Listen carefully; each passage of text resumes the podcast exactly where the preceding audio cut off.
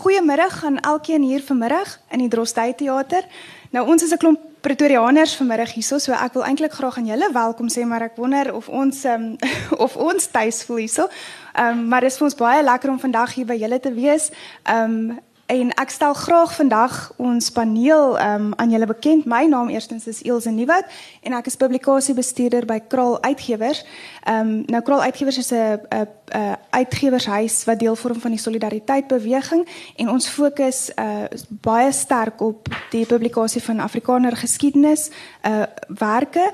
Ehm um, en ek het 'n paar uh, uitgeleese mense vandag hier saam met my wat 'n bietjie lekker gaan saamgesels oor ehm um, eintlik 'n paar publikasies. Um, ons gaan spesifiek kyk na die boek van Zelda Rouen. Ehm um, die boek oor Nonnie Dalaray se lewe. Ehm um, en Zelda kan ongelukkig nou nie vandag hier saam met ons wees nie. Sy is ongelukkig in die buiteland. Ehm um, maar ons het Ehm um, ons het regtig 'n uitgeleese groep mense hier vandag spesifiek natuurlik vir professor François Pretorius wat julle almal natuurlik baie goed sal ken wat direk betrokke was by die publikasie van hierdie boek en dan by die reeks spesifiek ook. Maar laat ek sommer net hier aan my linkerkant eerstens begin het ek vir Alana Bailey. Nou Alana is die uitvoerende hoof van Kraal Uitgewers en dan langs haar natuurlik professor François Pretorius wat julle sal ken.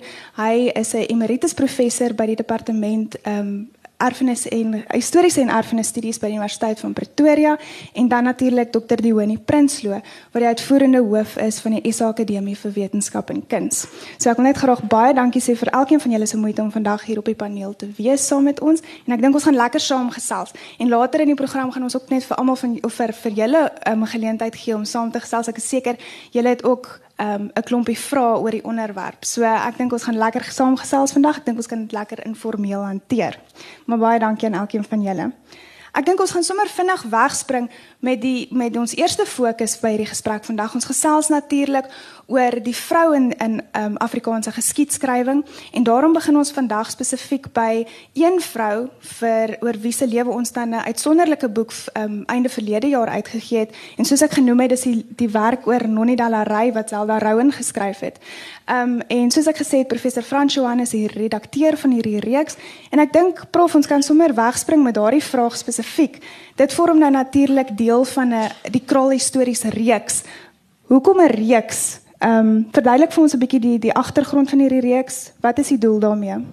Uh, uh Josef, weet jy, baie dankie. Ja. Ek is nie by Afriforum of by Kraal Uitgewers betrokke of was nie en ek het gesien die publikasies wat daar kom is netjiese publikasies, maar jou probleem is altyd om skrywers te kry. As jy 'n skrywer vra, skryf vir ons iets oor een of ander onderwerp, sê maar byvoorbeeld oor Emily Hapias. Dan vat dit 'n hele paar jaar vir daai persoon om om 'n oordentlike werk te lewer. En daar is ook die nadeel as jy ouerwerke heruitgee dat hulle 'n bietjie soos die Engelse sal sê gedateer is dat hulle al 'n bietjie 'n uh, 'n ander kleurtjie of geurtjie het wat waarby ons verby beweeg het. En ek het net gevoel, ek het na Alana gegaan en haar gesê Alana, kom ons begin 'n reeks van historiese werke wat uh en ons het op die naam Kraal histories besluit.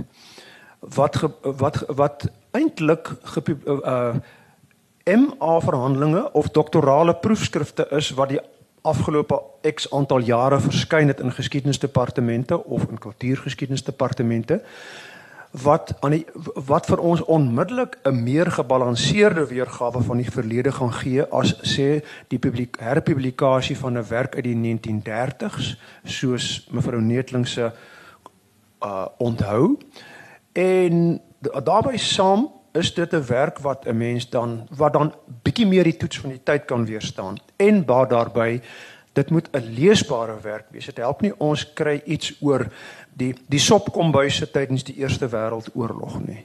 Uh ek is bevrees dit uh miskien selfs met julle goeie uh uh, uh uh advertensie gaan hy nie so lekker verkoop nie. So uh, dit was maar my gedagte en Alana het dit voorgelê aan haar aan haar kollegas en hulle het hulle het voorgestel en ek het 'n lysie gegee van wat ek dink goeie M en D's van die afgelope aantal jare was. En hulle het gekom en gesê kom ons begin met Nonnie Dallary, die vrou van generaal Koos Dallary. En onmiddellik is dit al klaar 'n moeilike moeilike opmerking.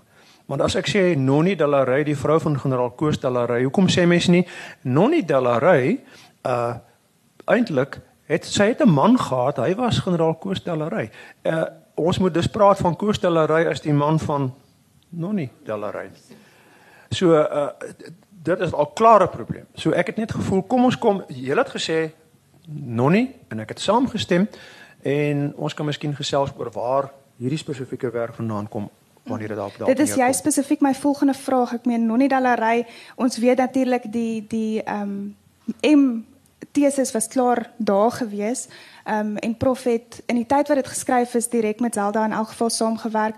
Maar hoekom wat is vir ons vandag belangrik? Hoekom 'n boek oor Nonnie Dallery spesifiek? Wat in haar lewe was so uitsonderlik? Uh Nonnie Dallery, die onderwerp het ek vir Zelda Rowan vir 'n MA gegee omdat ja, uh ek het net besef as jy oor 'n vrou in die Afrikaner geskiedenis wil skryf, sal jy primêre dokumente moet hê. Jy sal dokumente moet hê wat vir jou agtergrond gee en inligting gee wat jy normaalweg nie gaan hê nie. Of korrespondensie of 'n dagboek of herinneringsskrif. En in haar geval was daar twee herinneringsskrifte waarvan een gepubliseer was. Die eerste ene was eintlik oor haar lewe en hoe sy as pioniersdogter groot geword het en ons kan daaroor praat wat dit alles behels het. En die ander was haar herinneringe wat sy kort na die Anglo-Boere oorlog in 1903 gepubliseer het, eers in Nederlands uh myne om, om myne omswervinge en beproevinge in den Boerenoorlog en toe uh, uh, a woman's endurance uh, as ek reg onthou was hy Engels gewees uh dieselfde jaar. So dit het verskyn en dis twee belangrike bronne wat Zelda onmiddellik kon gebruik en van daar af verder gaan. Maar Nonnie Dallery is vir ons belangrik omdat sy 'n mevrou was in eie reg, 'n persoon in eie reg wat geskiedenis gemaak het en in elk geval sou gemaak het al was sy nie met Kostellery getroud nie. Ek wil vir 'n oomblik stil staan by die die kwessie van haar dagboeke. Ehm um, en hierdie is eintlik maar vir die hele paneel. Ek dink ons kan elk elkeen van julle kan 'n bietjie byvoeg daarbey. Nou Dr. Jackie Grobler het 'n tyd gelede het hy in die Literator tydskrif het hy artikel geskryf spesifiek oor ehm um, vrouens se dagboeke gedurende die Boereoorlog en dat dit eintlik 'n mode was in daardie tyd om dagboek te hou vir meisies en vir jong vrouens. Ehm um, maar dan skryf hy dat dit eintlik maar uit hartstogtelike ontboesemings bestaan het. Um, en dat dit op die oog af nie veel akademiese waarde gehad het nie, maar by verdere ondersoek blyk dit dikwels dat hierdie dagboeke 'n blywende nalatenskap vir die studie van sosiale of samelewingsgeskiedenis kan uitmaak. Um en ons sien dit spesifiek by Nonnie, sy het dan hierdie waardevolle dokumente nagelaat. Um wat is julle gevoel oor hierdie tipe dagboeke? Ek meen daar is in die die Anglo-Boereoorlog regtig 'n magdom dagboeke wat nagelaat is deur vrouens in die algemeen. Um Alana, miskien kan jy 'n bietjie byvoeg daarbey oor die dagboeke wat nagelaat is. Ja, Ilse, ek dink daar's 'n wye verskeidenheid en ek dink die waarde daarvan is dat um, ons dikwels 'n persepsie het oor hoe die oorlog was as ons nou nie Frans Johan se wonderlike boeke lees nie. Dan dink jy almal het presies dieselfde ervaring gehad. Almal was in konsentrasiekampe. Ehm um, almal het die oorlog op dieselfde manier beleef terwyl as ons kyk na die wye verskeidenheid van dagboeke wat daar is en wat gelukkig nou ook weer herverskyn word soos ons Japie wat nou verskyn het onder redaksie van Ena Jansen by um, Protea dan sien ons dis weer 'n familie daar in die grensgebied van Lesotho uh, naby Lesotho wat 'n gedeelte van die oorlog in Lesotho gaan bly het. Daar's weer regtig kampdagboeke en elkeen van die ervarings wat daarin opgeteken word al is dit ook klein ervaringkies versteek tussen meer persoonlike hartstogtelike herinneringe gee vir 'n mens tog 'n nuwe en 'n meer indringende beeld op die oorlog. Uh, professor Franco en ietsie byvoeg daarbey ja, wat vir my interessant is is dat ehm um, uh daar was daar daar's ook Engelse meisies gewees tydens die Anglo-Boereoorlog wat herinneringe nagelaat het of dagboek gehou het. In Pretoria was daar 'n meisietjie gewees, Bessie Collins, en sy uh, is hulle daar waar as u nou weet waar die staatsmodel skool in Pretoria is en jy ry nou net 'n entjie langs dit is die belastingkantoor en daar het daardie Collins gebly en uh sy het as as jong tienermeisie eintlik briewe geskryf aan 'n vriendin Sue en dit was haar dagboek daagliks en in uh, Heidelberg Transvaal was daar 'n uh, 'n uh, uh, Cassie O'Reilly wat ook geskryf het. Albei van hulle was pro-boer geweest. So ja, hier hierdie soort onder hierdie soort dokumente is kosbaar vir ons. Uh, Veral ook omdat dit wanneer dit soos soos ons Japie uh uh Annie Berry se boek vir ons inligting gee ver anders as die gewone goeters oor die konsentrasiekampe of oor die lyding en so. Ek is jammer ons het nog nie 'n dagboek ontdek van 'n vrou in die konsentrasiekamp of haar man wat 'n henshopper was om daardie ervaring te kan vergelyk met vroue wat in die konsentrasiekamp was as die undesirables. Ja, natuurlik, dit gaan vir mense weer heeltemal 'n ander blik op die oorlog gee. Ehm um, net om vir 'n oomblik weer terug te kom na Nonnie toe. Ehm um, baie mense sal vaskyk dalk in die tydperk van die Boereoorlog want dit is eintlik maar een van die alhoewel amper sê opspraakwekkendste dele van haar lewe gewees is die tyd wat sy saam met haar kinders ehm um, daai 18 maande wat sy in die veld geswerf het saam met haar kinders uh waar sy nie konsentreer gekies het om nie konsentrasiekampe toe te gaan nie. Ehm um, dit gee vir mense weer 'n ander uh, ander blik op die oorlog van 'n vrou wat met haar kinders regtig geswerf het in die veld. Ehm um, maar voor dit is daar eintlik nog baie interessante goed met Nonnie gebeur. Ehm um, waar sy 'n pioniersbestaan saam met haar ouers in die noorde gevoer het. Um, kan prof ons bietjie meer vertel van die waardevolle bydrae wat dit eintlik tot geskiedskrywing maak om vir ons 'n blik te gee op daardie geskiedenis voor die oorlog toe sy as jong dogtertjie um, saam met haar ouers noord getrek het. Uh, ons ja, dit is vir my belangrik dat dat die soort dokument daar is want ons het nou al so die Anglo-Boereoorlog uh, fyn getrap Maar daai pioniersomstandighede van van mense wat uh aan die groot trek deelgeneem het en daarna in die Transvaal van die Vrystaat hulle gevestig het, daarvan weet ons bitter min. So hierdie mikrogeskiedenisse is vir ons vreeslik belangrik. En as jy nou so iets kry soos soos Nonnie Dalaray se letterlik haar herinneringe van haar jeug en hoe haar pa as jagter maar opgetree het en aan mekaar uh gaan jag het. Jy kan nie glo terloops hoe hoe baie wild hierdie ouens geskiet het nie. Dit was is is is, is dis banaal.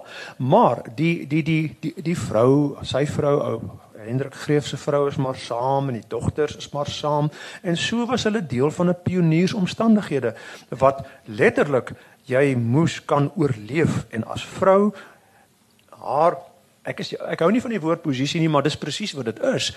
Haar posisie was jy moet sorg vir en dan is daar 'n ongeskrewe reël waarvoor hulle alles moet sorg. Die voedsel die voorrade die bediendes al daardie soort dinge is hulle en en oeg dit is dit is so as u wil chauvinisties maar ons moenie die fout maak om vandag te gaan kyk en sê oeg maar daai daai manne was aan vreeslik dat hulle so gemaak het nie. Want dit is soos dit daardie tyd was. Ons ons, ons kan dit nie anders eintlik ons kan dit moreel veroordeel, maar as historikus kan ek nie sê eintlik moes Hendrik Greef sy vrou Parys in Frankryk toegeneem het. Ehm um, een spesifieke ding wat ek nog by wil stil staan voordat ons meer in die algemeen gaan kyk na vrouens in geskiedskrywing is eintlik Marnonie se tydperk in die ehm um, in die veld waar sy met saam met haar kinders geswerf het. Maar hulle was nie die enigste mense wat so geswerf het nie. Daar was regtig en Zelda maak uh, definitief melding daarvan van die van die omvang van die hoeveelheid mense wat vrouens en kinders wat so geswerf het in die veld. Watter omstandighede het daardie mense hulle self in begeef toe hulle so geswerf het? Ja, die die die die getalle wat 'n mens kry, uh, Louis Botha het by vereniging toe hulle in Mei 1902 uh, nou bymekaar kom gesê dat daar in die Transvaal 2540 ges, uh, uh, vroue met hulle kinders is wat in die veld rondswerf in die Transvaal. Nou dit kom waarskynlik neer op tussen 10 en 12000, sê maar 10000 vroue en kinders in die Transvaal alleen wat in daai laaste fase van die oorlog rondgeswerf het om nie in die konsentrasiekampe te beland nie. En onthou die Britte het van vanaf Desember 1901 nie mense meer konsentrasiekampe toe gevat nie. En dan was daar in die Vrystaat waarskynlik so tussen 2 en 4000. So ons praat van waarskynlik so 14000 vroue en kinders wat in die veld rondswerf in die laaste fase van die oorlog. Nou waar swerf hulle rond? As jy in die Oos-Vrystaat is, maklik. Jy gaan na die Rode Berge en die Witte Berge en die Maluties, al daai berge het genoeg grotte om vir jou weg te weg te bære vir 'n baie lang tyd.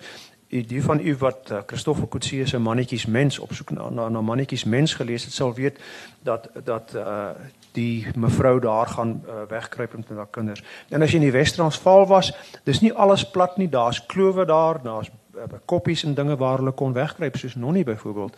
En in die Vrystaat is dit wel so dat daar langs die Vaalrivier of dit nou is by by by Parys, Vredefort en of dit nou verder oos is by uh, Verliers, daar is areas wat jy kan wegkruip. So dit is maar waar die vroue hulle het en dikwels agter die kommandos aangetrek sodat hulle mekaar kan ondersteun op 'n manier.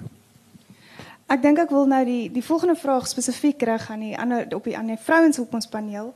Ehm um, Nonnie se boek is natuurlik nie die enigste wat ehm um, spesifiek kyk na die lewe van vrouens in die Boereoorlog nie. Ons het so vinnig gesels oor ehm um, ons Japie Alana Dioni. Watse ander prominente vrouens was daar gedurende hierdie tyd en watse publikasies is beskikbaar oor hulle? Nou, as ek as leser kan praat. Dis hierdie huis aan? Ehm um, ek dink meeste van julle is baie goed bekend met Jeanette Ferreira se boeke. Nou haar boeke wat sy oor die Anglo-Boereoorlog geskryf het, die Boereoorlog stories.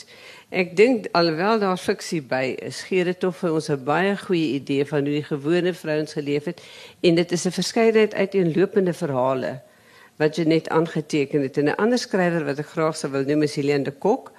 Sy het sowel haar MS haar doktorsgraad gedoen met navorsing oor die Anglo-Boereoorlog wat sy dan na boeke op hierdie navorsing ehm uh, gebaseer het en op grond daarvan haar haar verhandeling en haar proefskrif kon kon afhandel. Uh, ek dink dit is 'n baie belangrike faset en dan die ou ou vraag kan 'n man oor 'n vrou skryf. Uh, Jackie Grobler se baie werke wat hy geskryf het, dan ook sy fiksie Salome. Dat uh, ook daarin kry 'n mens 'n baie goeie idee van hoe dit tydens die Anglo-Boereoorlog eintlik met vroue gegaan het en wat hulle alles daar so selfstandig moes kon doen. En almal wat natuurlik televisie kyk, fees van die ongenooides wat nou weer nog 'n keer gewys word, eh uh, PG Du Plessis het daar ook 'n baie groot guns eintlik gedoen om ook te wys dat mense dit nie net eendimensioneel moet sien nie. Dat daar agter elke storie nog 'n hele klomp ander verhale skuil. So ek ek dink dis iets wat mense kan aanmoedig dan ook dat daar meer boeke met historiese agtergrond geskryf word. Ja, Lana, ek weet jy het 'n baie sagte plekkie vir die vir die werk um, ons Japie. Ek dink haar boek gee ons regtig 'n unieke blik um, op 'n jong meisie se lewe tydens die Anglo-Boereoorlog aan die een kant, maar dan aan die ander kant ook hoe gesin hanteer is wat wat um, iemand in hulle familie gehad het wat regtig 'n bitter einder was en waarvan haar broer oorlede is uiteindelik nadat hy weggevoer is as banneling en dan haar pa wat die wapen neergelê het. Ehm um, daar kry ons weer 'n heeltemal 'n ander blik op die oorlog uit die deur die oë van 'n vrou. Um, is haar verhaal in watter opsigte kan jy sê is dit alles uniek? Ek dink dit was vir my baie interessant omdat 'n mens baie lees oor hoe die oorlog verloop, maar jy lees baie min oor hoe die tyd kort na die oorlog verloop het. Ons weet as jy byvoorbeeld in Winburg kom, daar's twee kerke want die Gensoppers was in een kerk en die die mense wat eintlik bitter einders was of aanhou veg het was in die ander kerk. En jy besef families het letterlik uitmekaar geskeur, maar dit was die eerste keer wat 'n mens dit lees en en hoe mense dit ervaar het wat skielik besef maar mense wat altyd vriende van jou was wil nou nie na aan jou kom nie en ehm um, jy weet nie regtig hoe om dit reg te maak nie want dit het nie met keuses wat jy gemaak het te doen nie. Ehm um, baie aangrypend wel in die geval haar pa was ehm um, redelik welvarend na die oorlog en het ander boere gehelp om op die been te kom en dit het daarom vir die gesin eintlik weer 'n geleentheid gegee om geïntegreer te raak in die gemeenskap wil ek eintlik sê. Ehm um, in ander gevalle ervaar mense weer dat mense baie ehm um, moeilik gehad het. Ek hou byvoorbeeld by van die dagboek van Henriette Armstrong wat ehm um, in Irene gewerk het en hoe sy ook vertel dat sy wat met 'n Engelse van loop soos ek ook wat Afrikaner is wat met 'n Engelse van loop dan eintlik verkwalik word deur die boerevrouens in die konsentrasiekamp hoewel sy hulle verpleeg en snags eintlik aan wat ons vandag posttraumatiese stres sal noem gelei het oor al die dood en sterfte wat sy beleef. Ehm um, so 'n mens sien dat oorlog elke mens se lewe geraak het in die omgewing in daai tyd, maar dat daar verskillende maniere is waarop mense dit verwerk het en dat dit eintlik verlang na die oorlog nog 'n rol gespeel het en ek dink ek wil nou nie seksisties klink nie, maar ek dink die wyse waarop 'n vrou dit aanteken is tog anders as wat 'n man dit sou beleef. Ehm um, dis maar die vrou wat altyd gewoonlik die vredemaker in die familie is en mense weer wil saamtrek. Ons kan ek daarop iets byvoeg twee dinge. Die eerste is ja, die vrou het 'n ander insig, maar François Smith het met sy kamphoer 'n uh, uh, uh, ongelooflike insa dink ek in die siege van 'n vrou gehad. Uh en en en, en dit ek, ek dink nie net 'n vrou kan oor vroue skryf nie. Man sal miskien ander aspekte beklemtoon, maar as ons dit wil verder voer moet ons sê Engelse kan nie oor Afrikaner nasionalisme skryf nie en dit is nie waar nie. So ja, nee, dis die een ding. Die die ander wat ek wil wat ek wat ek wil sê het, het ek nou op my ouderdom vergeet. Maar uh dit is uh Is dit? Is Johanna Brand? Nee, ek sal wel daarby uitkom as ek my hand opsteek. okay, goed voordat ons by Johanna uitkom. Ek dink almal van ons as ons dink aan vrouens in die oorlog, dan is daar nog ons 'n paar name wat uitstaan. En ek dink vir my het as van klein dogtertjie af was amper een van haar eerste name wat jy geleer ken het, was die van Emily Hophouse. Ehm um, en dis nou eintlik vir my 'n unieke voorbeeld eintlik want ons praat nou oor vrouens in Suid-Afrikaanse geskiedskrywing en sy het sterk wortels hier gehad. Ehm um, maar tog is dit as 'n Afrikaanse dogtertjie moet leer oor die Boereoorlog en oor vrouens van die Boereoorlog. Sy is die eerste vrou waarvan ons leer en sy's 'n Engelse vrou. Ehm um, Eintlik aan elkeen van julle is sy met reg word sy met reg uitgesonder. Ek meen ons hierdie jaar of die afgelope jaar is daar het daar twee prominente werke eintlik uitgekom. Ehm um, die enetjie is van Robert Eels Compassionate English Women en dan die ander bekende een nou deur die joernalis Elsie Brits ehm um, Geliefde verraaier. Ek meen is twee uh gesaghebende boeke wat binne 'n jaar oor hierdie vrou verskyn omtrent 120 jaar na die oorlog en sy word nog steeds uitgesonder. Is dit met reg Alana? Wel, ek dink dis tipies die ding wat Frans Johan sy vinger op gesit het. 'n Historikus is maar baie afhanklik van bronne en ek dink sy is een van die vroue wat oor daar baie bronne na nagelaat is en ek dink dis tog wel uniek dat iemand in stryd met die meerderheid mense in jou land 'n standpunt inneem vir wat reg is en ek dink dit was wat my nog altyd betower het vir haar hierdie vrou wat veg vir geregtigheid en wat regtig omgee vir daai stemlose mense wat daar iewers in 'n kamp sit. Dionie, wil jy ietsie byvoeg daarbey? Ek ek wag want volgende Woensdag praat uh, Frans Johan by ons leeskring oor hierdie boek, so ek dink hy's beter voorberei. Kan ek my hand op? Ja, asseblief, asseblief. Um, ek wou sê van die toe jy die trauma gesê. Ehm um, uh daar's 'n uh, vroue historikus Elizabeth Stanley van die Universiteit van Edinburgh en sy sy het 'n baie baie groot haat vir die Afrikaner en nou moet jy versigtig wees dat jy nie dat jy nie self betrokke raak en vir haar kwaad word nie maar uh sy het byvoorbeeld in haar boek oor post memory geskryf dat die Afrikaanse vrou in die konsentrasiekampe het geen trauma ervaar daarna nie. Nou waar die liewe tante daaraan kom as ek nou mag smalend wees en dit is nie akademies nie, wil ek wil ek eerlikwaar vra vra want dit is ek ek meen u weet daarvan. U weet dat u ouma eers in 1970 vir die eerste keer bereid was om te praat daaroor op 'n bandmasjien of u sê ek wens ek het haar laat praat ensovoorts. So daai kwessie van die trauma is nog van die vroue is nog glad nie uitgeskryf nie. Ek dink om uh, om net daarbey aan te haak, ehm um, uh, die onlangse boek oor uh, die De Wet broers kyk nog ons baie spesifiek na die sielkundige aspekte van die twee broers en hoe daar twis kon ontstaan het. Ek dink daar's regtig dalk nou 'n leemte om te kyk na die die trauma, daardie eintlik daai sielkundige aspekte moet bietjie meer ondersoek word dalk in geskiedskrywing. Wat baie interessant is, ek moet eintlik nie so oor die vrouens praat nie want die onderwerp wat ek nou maar meer saamgeleef het die laaste paar dekades was geloftefeesvieringe en baie interessant vroeg al voor 1910 is daar al organisasies gestig om grafte in stand te hou en was geloftefeeste maar altyd rondom grafinstandhouding en monumentonthullingies op klein dorpies vir die gestorwenes ehm um, gewy en een van die interessante dinge is toe hier van na 1910 af was daar hierdie bewussyn onder die feesgangers van kinders wat nie regtig weet wat ouers en en oumas en oupas deurgegaan het in die in die ehm um, kampe nie.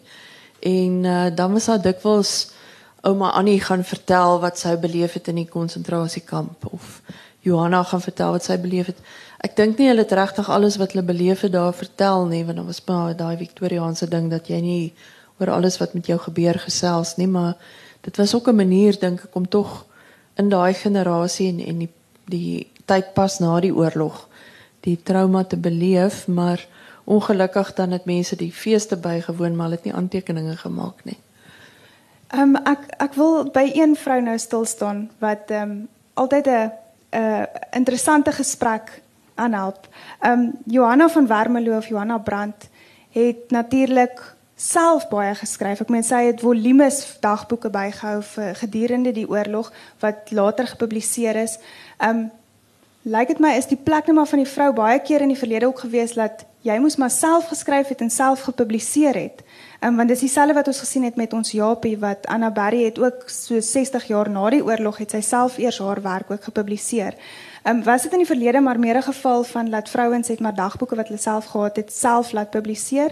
Um, want ek sien ek merk dit nogals op dat daar baie gevalle was waar vrouens 'n dagboek gehou het en dit self laat publiseer het en dit is nie deur iemand anders ter geskryf nie. Alana? Um, ja, Ilse, ek dink daar was maar in latere jare was ook moeite gedoen om wel van die dagboeke uit te gee. Ek dink dit het maar afhang van van tot watter middele iemand ehm um, toegang gehad het. As ons nou kyk na ons Japie, dit was 'n meer welvarende familie wat graag hulle rekord daar buite wou kry en vir mense hulle storie wou vertel en ek dink waarskynlik ook wou hulde bring aan die gestorwe boetie. In ander gevalle soos met Nonnie Ehm um, ek dink sy was ook slim genoeg om te besef haar man en haar storie is van groot belang en moet gehoor word deur die mense daar buite. So ek dink is maar 'n mengsel van faktore.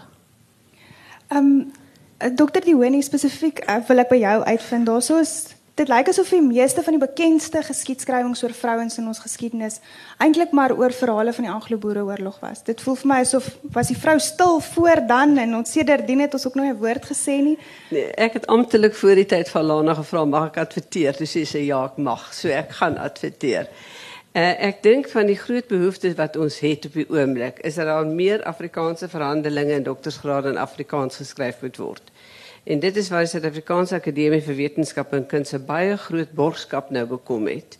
So ek wil almal in die gehoor asseblief aanmoedig, gaan na ons webwerf toe. Daar is fondse beskikbaar vir navorsing sowel as vir die afhandeling van proefskrifte en van verhandelinge. En ek dink daaruit kan 'n mens dan hierdie hele kraal histories ontrent aan die gang hou want dit is ongelooflike navorsing wat daar gedoen word. Ek weet oor die suiderkruise daar nou in verskyn uh ook oor die OB het het ehm um, Shaal geskryf Shaal Blighnout geskryf daarvan van NWU oor die vroue in die Afrika in, in die Ossewa brandwag beweging en daar 'n baie groot leemte het ontstaan toe die Suid-Afrikaanse biografiese woordeboek nie meer uitgegee is nie. Want daar is wel heelwat verhale van vroue opgeneem. Uh ek weet Anna Bisiek en al daardie mense het baie belangrike bydraes daarin geskryf. En dit is 'n leemte wat kraal stories nou werklik waar kan vul. En dan wil ek ook nou sommer vir kraal in die openbaar vra. Uh, ek weet nie wie van julle onthou Seef Albertyn se reeks oor die vrou nie. Dit was 'n mooi in wit gebinde boeke gewees. En dit is 'n reeks wat 'n mens werklik wel weer aan kan dink dat dit met herleef dat daar oor vroue geskryf word op alle in alle terreine waarop waar vroue beweeg het En ook wat in die die die, die vrou reeks baie baie prominent was of natuurlik nog steeds is van die boeke is nog beskikbaar by tweedehandse winkels. Is byvoorbeeld die geskiedenis van die Vroue Federasie, die geskiedenis van kultuurorganisasies. Eh uh, dit was nie net so seer op individuele vroue gerig nie, maar ek dink dit is 'n leemte waar daar 'n baie baie groot mark uh, voor is en ek kom nou net van 'n boekbekendstelling af uh, eh, 1 uur vanmiddag is die hart van God verhale van vroue in die sending hier be bekend gestel by die kweekskool. Uh, ek wil julle almal aanraai koop die boek dit is ongelooflik dit is die verhale van die vroue in die sending.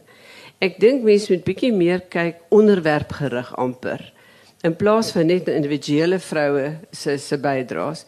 En wat in hierdie boek my baie baie interessant is, dit is die Liesel Hubert en Isabel Murray geskryf uh, saamgestel het hulle die verskillende vroue in die sending het hulle die feitelike verhaal van die vrou geskryf, dit wat hulle kon in die hande kry, maar dan wissel hulle dit af met briewe wat sy byvoorbeeld geskryf het. Daar's altyd hierdie persoonlike insig wat ook by elkeen van hierdie verhale bykom. En dit voel werklik waar vir my asof dit die tipe boek is waarin daar 'n baie groot behoefte is. Uh, ek het self navorsing gedoen oor vroue in die 20ste eeu. Afrikaanssprekende vrouens, nie die heel voorste nie, so die tweede ry het ek altyd gespot. Uh Mabel Malherbe, al die prominente vroue en daardie tipe navorsing moet daar ek nog publikasies uitmaak, maar ek het dit as radiopraatjies aangebied. En die reaksie wat mense daarop gekry het, het jou ook laat besef dis noodsaaklik dat alle vroue en vroue in die onderwys, vroue in in verpleegkunde, in die in die akademie, daar is so 'n groot behoefte dat al hierdie mense se verhale eintlik opgeteken moet word. Ek weet eh uh, dokter ehm um, Lorraine Maritz het oor die Women's National Coalition geskryf. Die rol wat Afrikaanse vroue daar gespeel het, waarop ons nou regtig nie baie roemryk oor kan voel nie want daar's ons oor aangesit al die pad. Ons het daar te doen gekry met mense wat afgerig was wat geweet het hoe 'n mens uh, mense kan uh, nie manipuleer is 'n bietjie te sterk woord maar hoe jy mense eintlik kan oortuig om saam te werk selfs al is dit al dryf dit in teen jou normale uh, gevoel. En ek dink dit is noodsaaklik dat ons almal asseblief nie net dagboeke hou nie want ons het altyd hierdie bekommernis wat gaan word en Lorraine daar gewys het sy uit ehm um, navorsing uit uit verslae uit Nautilus kon sy 'n baie baie oortuigende geskiedenis saamstel. So ek dink daar lê vir ons baie werk voor en elke mens se eie bydrae gaan eintlik hier kan saak maak. En so kan ek gou daarin kom en baie groot moeilikheid maak.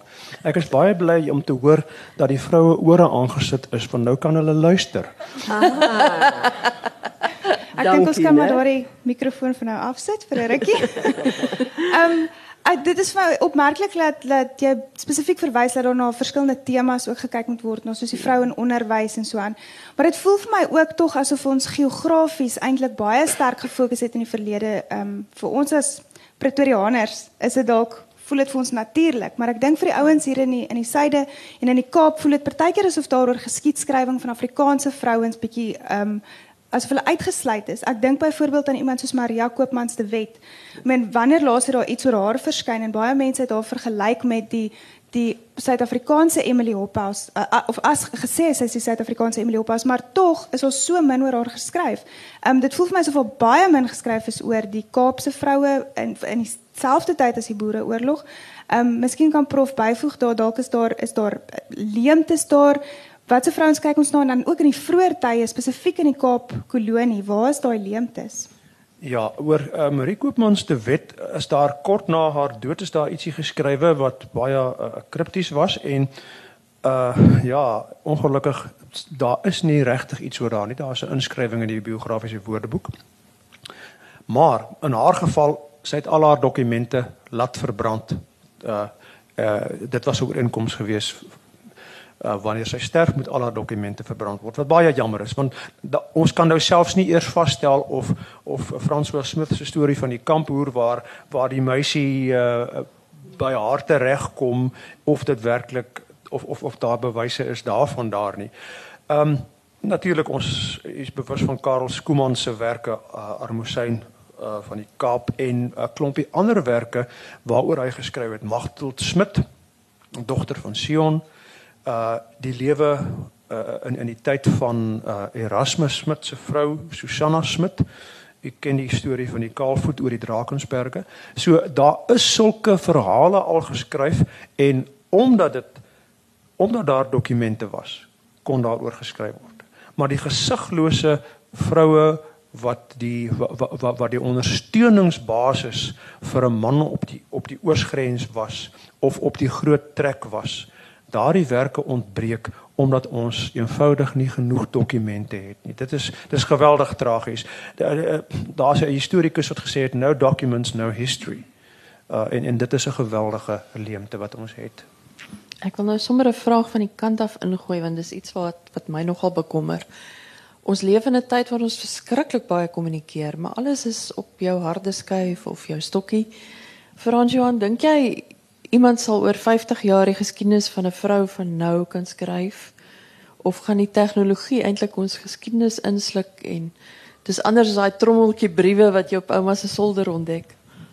Dit is vir my 'n verskriklike uh, uh, kommer want uh, ons het almal e-posse wat ons skryf. Ek ek uh, uh wys baie klomp baie van hulle uit. Dit gaan ander die meeste van hulle van hulle gaan in 'n argief waar daar al tienduisende is.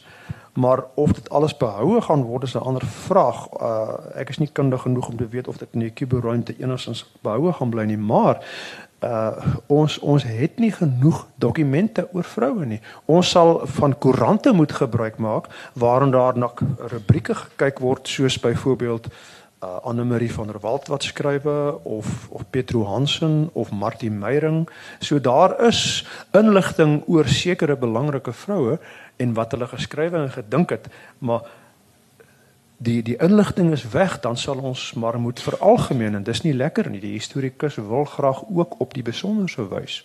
Ja, ek dink is baie nodig vir daai persoonlike dokumente ook en dit is wat ons nou nou vroeër ook van gepraat het, die ego dokumente of die dagboeke dan nou spesifiek gee vir die uh, gee 'n ander blik op die vrou se persoonlike lewe as wat jy nou in, in koerante en dis meer ja. sou kry. As ek daarby mag mag byvoeg, as u in u familie dalk 'n dagboek het of self dagboek gehou het as jong meisie of as jong man, asseblief die erfenis stigting in Pretoria wat daar by die Voortrekker monument is.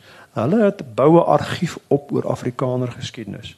En daar is die plek om sulke dokumente tereg te laat kom want dit is dis die toekoms oor navorsing oor die Afrikaner. Ek noem dit weer die erfenis stigting. Dit is iets baie baie spesiaals. Ietsie waarby ek vinnig wil stil staan is in 1930 ehm um, is haar stemreg toegeken aan aan vrouens. Ehm um, sou jy sê dat dit 'n prominente rol gespeel het in vrouens se bewuswording en um, hulle besef om om op te staan vir hulle self en dalk in geskiedskrywing meer 'n merk te maak of om hulle stem te laat hoor of word dit heeltemal oorskat dalk. Alana? Ek dink nou dadelik weer aan aan 'n geloftefees waar oom gesê het as vrouens op die ou einde gaan stemreg kry dan se oordeelsdag naby. ek dink dit het tog wel 'n rol gespeel. Ek kom uit 'n familie waar die vrouens eintlik oor die algemeen meer polities bewus was as die mans. My oupa het altyd gesê my kind onthou net jy kan nie politiek aantrek of eet nie. Terwyl my ouma was baie vurig oor politiek. So ehm um, ek dink wel vir daai generasie, my ouma was toe 30 want sy is in 1900 gebore. Vir hulle was dit tog wel iets van groot betekenis en baie keer was dit mense wat reeds polities aktief en bewus was maar wat dit die eerste keer kon uitvoer. So ek weet nie hoe julle dit beleef het nie met julle familie ja, ek probeer nou dink aan die aan die vrouens in Johannesburg. Ehm um, ek, ek dink aanvanklik die my ma se geslag het in Johannesburg aangekom en hulle dit is nou hier so 40er jare, 30, 40, 50er jare. En wat vir my opvallend was as ek nou kyk as ek nou dag 'n teepartytjie gehou. As ek daar in my ma se ou goed in, dit is pragtige fyn koppies, dit is uh lapserfeetjies. Uh, ek het altyd gewonder of hulle nie amper oorboord gegaan het om 'n Engelse tipe uh, tee partytjies in Johannesburg aan te bied nie. Dat dit 'n gebrek aan selfvertroue was. Ek meen jy het so uh, seker gemaak dat jy nie 'n voet verkeerd sit nie. En en dit is vir my jammer. Ek voel net daar het mense aan hulle self skade gedoen. Dat hulle eintlik ons ek het net nou sê dat Chris Elizabeth Albrecht verwys byvoorbeeld. Dat daardie vrouens eintlik probeer byhou by die Engelssprekendes want die stad was vir hulle ook 'n vreemde plek en dan het hulle natuurlik toegeleef welsynwerk. En ek dink ook die opbou van die skole en ek dink dis 'n ding waarvoor ons nog nie genoeg eer nie. Die baie groot moeite wat daar gedoen is om vir kinders goeie skole te kry om om te sorg dat daar universiteitsmoontlikhede is dat daar beurse beskikbaar raak. Uh die vrouens het koeksusters gevleg ek onthou my maale ure en ure en ure om sulke dinge reg reg te kry en vir die Afrikaanssprekendes ook 'n 'n vasdra plek in die stad te kry.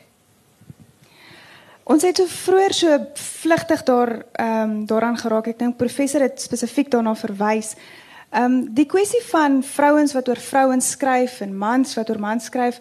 Wat is julle gevoel daaroor? Is daar ehm um, is daar 'n beperking dat 'n vrou eksklusief sou kon skryf oor die gevoelens van 'n vrou? Ek weet ehm um, daar word altyd ligtelik gespot oor oor as 'n man 'n ginekoloog is, sal hy nou regtig kan kan weet hoe dit voel vir 'n vrou om te kraam. Ehm um, dan wonder ek is dit is dit iets wat eksklusief vir vrouens moet wees dat 'n vrou alleenlik sal kan skryf oor die ervarings van 'n vrou wat tog sulke intieme ehm um, as dit baie meer oor 'n persoonlike ervarings van vrouens gaan. Wat ek wil spesifiek van die vrouens dan nou hoor hier vanmiddag. Alana, jy's aan die woord. Ek dink as dit gaan oor fiksie, ek het nou eendag was daar so 'n mooi advertensie van 'n program op RSG waar iemand gesê het man as dit gaan oor fiksie dan kan jy mense dan moet jy mense oortuig dat die son elke nag gaan slaap in 'n skuur naby Senekal. So met met fiksie kan enigiemand oor enigiemand iets sê. Ehm um, vir die historikus is dit 'n groter uitdaging, maar 'n historikus moet skryf oor iemand wat in 'n ander eeu as hy geleef het. En uh, ek dink die regtig goeie historikus sal ewe goed oor 'n vrou of 'n man kan skryf. Ja, as jy nou dink aan Lindy Koort se boeke Dave Malan. Dit was nie vir haar nodig om 'n man te wees om 'n goeie boek te skryf nie, né? Mm. Ja, jy moet jouself eintlik kan losmaak van die persoon wie jy waaroor jy skryf. Frans Johan, wil jy jou verontskuldig? nee, ek dink net aan uh, Karel Skooman se Olive Schreiner, die twee boeke wat hy oor haar geskryf het, die een tot tot 1881 gaan en dan die ander een Olive Schreiner en die Engel Boer. Is skitterende werke. Uh en en en uh hy het uh, begrip haar, maar sy was ook nou nie die tipiese vrou gewees nie. Dink julle dan nou ook terselfdertyd dat die vrou haarself kan volstaan in um Suid-Afrikaanse geskiedskrywing? Um julle het na 'n paar voorbeelde verwys. Dink julle dat dat sy um ek weet ons het vroeër was daar 'n gesprek tussen ons personeel van Kraal gewees oor um uitsprake wat gemaak is waar hulle vroeër gesê het van vrouens wat minder betaal moet wees word en so aan en laat laat vrouens intellektueel ondergeskik is aan mans. Maar dink julle vrouens staan al hulle plek vol? Wel, ik denk individuele vrouwen, ik denk aan Lenet van die kerkse boeken, Dr. Leitz bijvoorbeeld. Uh, daar is geen verschil of zijn man of een vrouw is om daar een fantastische, degelijke navorsing te doen. En werkelijk waar een, een stuk, uh, ik heb niet naar Anne Busiken verwijs ook. En Maria Hugo, daar is rechtig lijsten en lijsten vrouwen van... Ja, Lindy het het klaar genoemd ook. Ik meen, daar is werkelijk genoeg historici, ook Afrikaans sprekende historische vrouwen, vrouwen wat oor, oor geschiedenis schrijven. Ons wag in spanning natuurlik vir Alana se geloftefeeste, né? Hy moet nou 'n bietjie spring. Ja, my eerste baas was Dr. Celestine Pretorius, so ja. ek is maar as historikus ook grootgemaak deur 'n vrou, so ek ek dink ek dink net die probleem is en dis hopelik wat Kraal ook kan aan aan werk en en 'n uh, oplossing voor kan help vind is in 'n stadium was daar baie min mense wat dit gewaag het of uitgewerye wat gewaag het om oor Afrikaner geskiedenis te publiseer. En nou beleef ons eintlik weer 'n beter tyd. Ek weet nie julle gaan dalk beter weet as ek. Maar uh, ek dink nou met Protea wat daar is en met Lapa wat wonderlike werk doen. Ehm um, daar's al meer uitgewerye wat dit weer waag om geskiedenisboeke uit te gee en dit ook baie keurig te doen en dit lekker leesbaar aan te bied dat 'n mensie voel jy lees 'n handboek nie. Jy wil tog voel jy lees lekker. Eh, kan ik weer voor de academie nog, nog advertentie inkrijgen. Uh, eh, de academie begint ook nu met een nieuwe reeks bundels, dus nu met huldigingsbundels. Waar daar bijvoorbeeld door Elsa Joubert geschreven wordt, Elise Bota. Daar is so skare vrouwen, uh, letterkundiges, wie ook al. En daar is nou fondsen beschikbaar. En dit is die een punt wat ik werkelijk baie sterk onder anders allemaal zijn aandacht wil brengen. Contact die academie, daar is geld voor navorsing en daar is geld voor publicaties. En ek dink dat dit ek vir die beurse ook. So dit is ek dink dit gaan 'n bietjie nuwe moontlikhede deure weer oopmaak. Ons het verlede jaar aansoeke gehad vir oor die 7 miljoen mense wat in Afrikaans hulle Afrikaanse uh, DS in Emma wil doen. En ek dink dit is ook waar 7 miljoen rand wat daar ekskuus wat beskikbaar wat rand en mense is vir my maar dieselfde goed hoor. Maar in elk geval nee die belangrike ding is om te weet daar is fondse beskikbaar. En ek dink as ons Afrikaans op tersiêre vlak, ek dwaal net totaal af voor. Maar as Afrikaans op tersiêre vlak die toekoms van Afrikaans wil verseker, dan moet ons dit doen deur aan te publiseer en hier is my laaste advertensie. Die Afrikaanse woordelys en spelreëls is van jaar 100 jaar oud. In 3 Augustus word die ehm um, groot uh, eeufees uitgawe van die AWS hier bekend gestel in die Kaap. En daar gaan ook 'n faksimilie wees van die 1917 ene. So ek het my gaping gevat of julle net te noem. Daar's baie opwindende dinge aan die kop ook. Ilse, mag ek net iets noem wat 'n probleem was en hopelik begin verdwyn. Um daar was min vroue historiese in Afrikaans en in Engels in Suid-Afrika. En die paar wat daar was, was goed, ons het hulle genoem. Maar hier van die 70er jare af het universiteite al hoe meer vroue op die personeel begin kry. En uh uh die Unie was 'n uitsondering omdat sy nooit snaaks was nie. Daar's party van daai vroue omdat as ons 'n vrou as as 'n vrou aangestel is, ek het hulle nie aangestel nie, ek was nog te jonk, maar as 'n vrou aangestel is, het dit beteken sy was buitengewoon intelligent en knap. Maar nou party van hulle en ek sê nou sy's nou 'n uitsondering, het geweet hulle is oulik.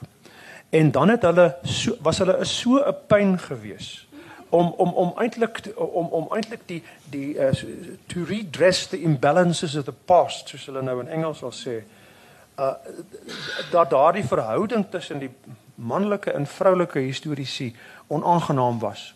En nou is dit totaal beter. Nou dink ek is daar baie mense wat nie omgee wie E van Heiningen is of wie die Prinsloo is nie of wat nou man of vrou. Daai situasie, daai water het nou opgevul en ons kan nou kyk na 'n persoon as 'n historikus en nie as 'n vrou as 'n historikus of 'n man nie. So daar's nou lekker ruimte vir die vrouens. Ehm um, Alana, jy het nou net jy vinnig so 'n bietjie daaroor ehm um, gesels oor die ehm um, die uitgee van van boeke wat spesifiek kyk na vrouens in die geskiedenis. En ek het so 'n bietjie vooraf het ek gaan kyk na watse boeke is tans beskikbaar wat eksklusief vir vrouens gaan. Ehm um, ehm um, wat kyk na geskiedskrywing van Suid-Afrikaanse vrouens spesifiek. Ehm um, en dit lyk tog vir my asof en dit is by Afrikaanse boekwinkel wat eintlik oorwegend meer Afrikaanse boeke uitgee. Ehm um, En tog is daar regtig as jy kyk na die verdeling van boeke wat eksklusief kyk na mans of vrouens, ek praat nou nie van algemene werke wat wat wat na samelewing in geheel kyk nie. Is dit is dit iets soos 5 teenoor 40 boeke, 5 vir wat gaan oor die lewens van vrouens en 40 wat gaan oor die lewens van mans. Is die is die lesers net nie gereed daarvoor al nie? Ehm um, ek weet ons as Kraal Uitgewers het nou spesifiek hierdie boek uitgegee. Ons is in 'n posisie om bietjie bietjie anders ehm um, te werk te gaan as wat wat van die groter uitgewers doen. Ehm um, so ons kan baie keer 'n boek uitgee waar ons sterk voel oor die saak, maar is ander uitgewers dan net nie in daardie posisie nie? Kyk hulle voel hulle nie dis bemarkbaar nie? Waar sit ons op hierdie stadium as die lesers nog net nie gereed daarvoor nie? Ek dink weer is maar die kwessie van bronne wat baie skaars is. Ek dink ehm um, as 'n man in die openbare lewe gestaan het in die 1930s, dan was daar 'n voetspoor van die persoon. Daar was amptelike dokumentasie, hy het 'n sekretaris gehad, hy het toesprake gelewer terwyl 'n vrou wat dit beleef het, het min van 'n voetspoor nagelaat. So dis moeilik. Jy moet baie soek en krap om enigiets oor hulle te vind en die wat regtig dan nou boek gehou het of baie toegewyde briefskrywers was, het die nageslag partykeer ook maar nie gedink is besonders nie en dit het verlore geraak of soos nou in Marie Koopmans se wetse geval is dalk op eie opdrag vernietig. So ek dink vir die uitgewer is dit nie so seer um gaan dit oor 'n man of 'n vrou wanneer hulle besluit neem nie, dit is is dit regtig 'n goeie en um getroue weergawe wat wat aangebied kan word en is dit leesbaar is my regtig baie belangrik want ek dink daar's te veel boeke daar buite wat geskiedenis eintlik vir mense so onaangename ervaring dat hulle afskrik van die goeie boeke. En uh, dan dink ek waar hierdie bronne ontbreek, die oorspronklike regte goeie historiese bronne, is mense soos Jeanette hulle wat dan fiksie skep om leemtes te vul, verskriklik belangrik want hulle laat mense begin dink hieroor en ontwikkel 'n belangstelling in geskiedenis wat 'n mens dan opvolg met regte goeie historiese bronne hopelik. Ehm um, ek sien ons tyd is besig om ons in te haal en ek wil graag hê dat daar vir julle nog kans is om 'n vraagie te vra, maar ek dink voordat ons oorgaan wil ek vinnig by elkeen van julle hoor en ons is nou 'n bietjie bevooroordeel, so ons kan nou regtig kyk na boeke oor vroue, maar as elkeen van julle 'n voorstel kan maak van 'n vir 'n boek wat spesifiek oor die lewe van 'n vrou moet gaan of oor vrouens as 'n gemeenskap of so, waaroor raad boeke nog die lig moet sien? Wat wat waaroor droom julle? Wat moet nog gepubliseer word? Alana? Ek dink vroue in die 20ste eeu wat Joanie na verwys het, want daar's net te min ons ons wil altyd so graag skryf oor die mooi romantiese tyd toe almal lang rokke gedra het en um, ons skryf te min oor oor mense wat ons nog self geken het, ons oumas en ons moeders wat regtig groot veranderinge in die samelewing beleef het en met waardigheid moes verdra en uh, wat baie keer wegraak omdat jy hulle as vanselfsprekend aanneem. Ek hoop nie jy kyk na my nie want ek kan glad nie dink aan. Ehm um, ek ek het 'n groot bewondering vir Lorika Roux. Ek sou graag 'n biografie oor Lorika Roux wou sien as dit nog nie beskryf is nie want ek meen sy is net vir my uh sy vir persoonlik vir my 'n uh, Afrikaans Afrikaanse uh uh kultuur en musiek saam met haar man wat wat goeders geskryf het wat ek mee kan vereenselwig. So so iemand sou ek graag dat daar ergens 'n biografie oor verskyn. En ek dink as ons net vinnig daaroor kan gesels ook dit sluit aan by wat Alana gesê het is dat ek dink ons neem dit baie keer van selfsprekend want vir ons era lyk dit nog nie soos geskiedskrywing nie. Ehm um, hmm. omdat sy nog hier is en met ons is, maar mense moet daardie tipe inligting moet jy nou al insamel. Ehm um, want dit is dit is vir môre is dit 'n verhaal wat mense vir môre nog moet weet. Uh, ek sou baie graag net weer uh, verwys. Ek uh, ek gaan net 'n oombliekie terug en dit is nou Kobus Ferreira se boek wat hy nou oor Anna Neetling-Pool geskryf het wat hy baseer het op haar dagboek terwyl sy in Portugal getoer het. En uh, toe het hy en gegaan na elke plek wat in daardie dagboek verwys is waarna daar verwys word.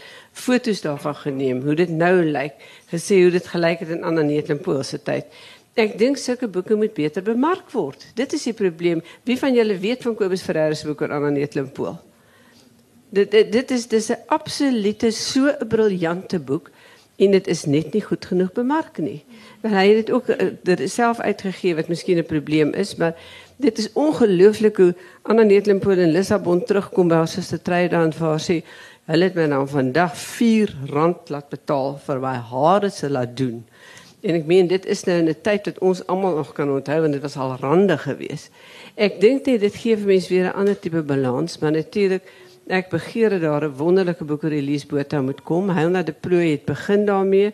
Al bietjie weer vasgeloop, maar die briewe van uh, sy gaan wel nou 'n boek uh, publiseer oor briewe wat Elsa Joubert ag uh, Elise Botha ontvang het.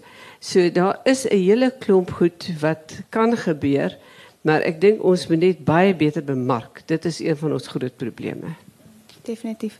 Goed, ek dink ons 'n kansie vir vir die gehoor om as daar enige vrae van julle kant af is. Pieter, dis 'n geweldige probleem daai om om die oorsprong van 'n van 'n resep te gaan bepaal. As daar nie bygeskryf word my ouma se wat dit by haar ma gekry het nie, dan het ons eenvoudige probleme. Vir 'n duikman het dieselfde. Hulle het maar resepte wat beproef was letterlik en figuurlik het hulle opgeteken en meeste kere ook Leipold se goed dink ek is daar nie name by dit. Is 'n ongelooflike probleem. Ons ons kan dit nie vasstel nie ongelukkig. Um, ek dink vinnig ook ons het daar so 'n klein verwysing ook na kookkuns eintlik in in Zelda se boek van Nonnie Dallery wat sy gepraat het van kookkuns ehm um, gedurende die tyd wat hulle in die veld was wat ook nogals baie interessant is as mens daarna sal kyk wat spesifiek nou as mens kyk na die kookkuns element. Daar's ons nog vra, ekskuus hierso. Enig net kan noem is ons het 'n bekendstelling verlede jaar in Pretoria gehad en daar was eh, daar was nasate gewees um, by die bekendstelling wat ons in Pretoria gehad het van Nonnie Dallarey spesifiek gewees. Ehm um, so ja, ek weet nie of daar is daar spesifieke vraag nog daarbey. Nee nee nee. Okay, goed, ek dink ons gaan moet afsluit met die laaste vraag daar agter. Maar ek dink nogal daar is in die organisasie waarby ons betrokke is, 'n deel van die solidariteit beweging is daar regtig tot 'n opkoms onder jong mense eintlik wat 'n bewussyn um, van hulle liefde vir hulle geskiedenis spesifiek merk ons baie sterk op. Um, en dan kan professor Fransjo van dalk noem oor studente wat hy gehad het in verlede. Ek weet daar's mense wat ek baie goed ken wat ehm um, aktief nog betrokke is in ehm um, geskiedskrywing en so wat jong mense is. So ehm um, ek dink wat die wat feesgangers betref kan mense nou nie kan ek nou nie 'n opinie oor lewer nie, maar ek dink mense wat nog aktief betrokke is by geskiedskrywing ehm um, en die bewaring van ons geskiedenis is daar's regtig jong mense wat aktief betrokke is. Al sien mense dit nou nie noodwendig hierso nie. As ek wil aansluit by wat u sê dit dit is 'n kommer dat, dat dat ons geen geen twyfel daaroor hê nie want as ons geslag werk ek sien daar so 'n paar jong mense ook maar uh, gaan gaan ons regtig vervang word deur nuus en ek het 'n paar ek het 'n kollega uh buite gekry 'n meisietjie van omtrent 30 en sy is geesdriftig en sy sê ja sy wil by die akademie aansluit en al daardie soort dinge. So ja, daar is mense, maar uh, hulle het ook 'n probleem want hulle verwysingsraamwerk deesdae bestaan glad nie oor die byvoorbeeld die Suid-Afrikaanse geskiedenis of dan nog die Afrikaanse geskiedenis nie. Want die geskiedenis op skool deesdae is die struggle geskiedenis. So met ander woorde, uh, iemand soos uh, John Foster of jy van hom hou of nie, bestaan glad nie in hulle wêreld nie. So dit is 'n dit is werklik 'n probleem omdat die geskiedenis syllabus op skool vir die wat nog geskiedenis neem, neem hulle op ander paaie. Dit baie groot kommer. Goed, ek dink ons gaan afsluit op daardie noot. Ehm um, ja, daar baie dankie vir elkeen van julle wat hier was vanmiddag en dan ook spesifiek aan my paneel baie dankie vir julle vir julle moeite en saamgesels vandag.